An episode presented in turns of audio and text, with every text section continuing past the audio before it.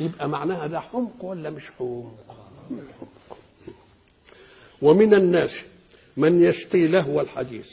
طب نحدد اللهو بقى إيه هو؟ والله العلماء قالوا فيه كتير. قال كل شيء يلهي عن مطلوب لله.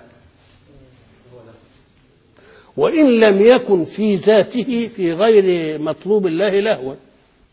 طب الأذان أذن والناس راحت تصلي وواحد قاعد يعمل في مصنعه.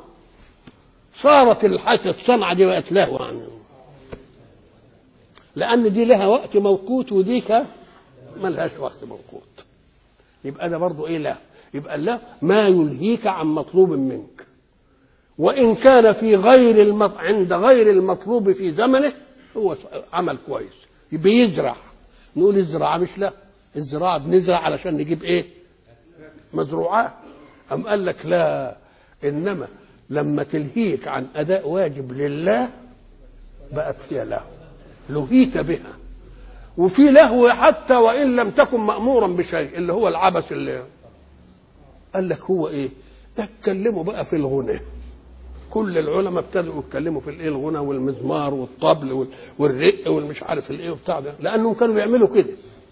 طيب تعالى بقى. العلماء حينما يتكلمون في هذا بيتكلموا كلام محدد. يقوم غير اللي بيده يجيز الأشياء ياخد زاوية من كلامهم ويطبقها على غير كلامهم. العلماء قال لك ما فيش مانع. في الأفراح إننا إيه نؤنس بالغنى. والنبي أمر به. وفي الأعياد. مش قال مش قال لأبو بكر هذا يوم عيد نحن في يوم عيد. وقال لهم ابعثوا للمش عارف ليه مغنيات تغنيهم. طيب وإيه كمان؟ أم قال لك كذلك الأعمال الشاقة. بيقعدوا ينشدوا ولذلك تلاقي كل جماعة بيعملوا أعمال شاقة. إيه؟ نشيد. نشيد ده بيعمل إيه؟ يطربوا أنفسهم فيلهيهم عن متاعب العمل.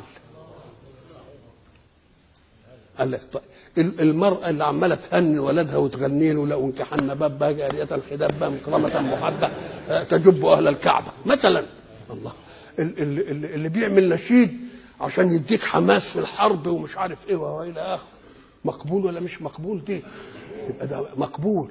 إذا كل شيء له غرض نبيل نيجي نقول له الغناء بس مش هو اللي وحش النص من غير غناء إن أهاج غرائزا يبقى حرام. ليه؟ قال لك لأن الله يعلم أن طبيعة الغرائز في الإنسان اسمها غريزة. غريزة لها عمل في ذاتك وتفاعل من غير أي حاجة. فما تهيكش الغريزة بغير طاقة الغريزة. فما تقولش بس الغناء. قول النص نفسه من غير غناء.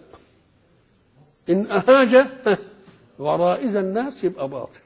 يتشبب بالمش عارف إيه الواحده ويصف جمالها ووسطها وشعرها وعينيها ومش عارف إيه وبتاع ويقعد يتكلم عنها مما يريد حتى من غير غناء.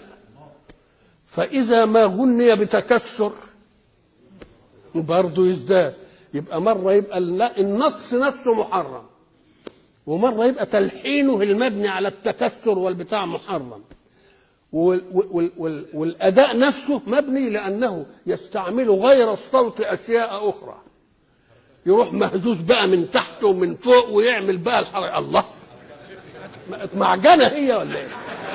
الحكاية بتاعتكم. يبقى اذا لازم لازم الإنسان المؤمن هيوضع الحد. الحد. النص المهيج الذي يخرج الإنسان عن وقاره وعن رزانته محرم. النص نفسه. فإذا أضيف للنص لحن متكسر يبقى محرم مرتين. إذا أريد له أداء مهيج بحيث يستعمل في شيء غير الصوت بحيث تستعمل الأيادي والعينين والمش عارف إيه والوسط والبتاع والحاجات اللي دي, دي تبقى بقت إيه؟ يبقى إذا أنت الحكم في كل ذلك إنما مثلا في الأفراح مثلا بتبقى مرة يعني يغنوا للبت يبسطوها مثلا في الأشياء اللي قلناها الحداء النبي ما قالش الانجشه رفقا انجشته بالقوارير رفقا انجشته بيحدي الجمال تقوم الجمال ساعة ما تسمع الصوت الإيه؟ الحلو تنشط في السير. لما تنشط في السير الهودجه إيه؟ يتحرك. لا يتحرك الستات اللي جوه يطقشوا ببعض فالنبي قال القوارير ما تستحملش الحكاية دي. وسمى المرأة إيه, إيه؟ القارورة. يعني آه من اللطف ومن الدقة وإلى آخره. فاذا ما نقعدش بقى ندخل في متاهات هنا حرام ولا حلال والموسيقى مش عارف إيه وبتاع. والله يا سيدي كل واحد حكم في نفسه. النص إن اهاج وأخرج عن الوقار. إلا ما بتشوفش ناس في الخارج محترمين ومراكز كويسة. قالوا يقعد يسمع مثلا واحدة بتغني يروح ماسك لها لوحده بالله مش هو ده اللي بيحصل.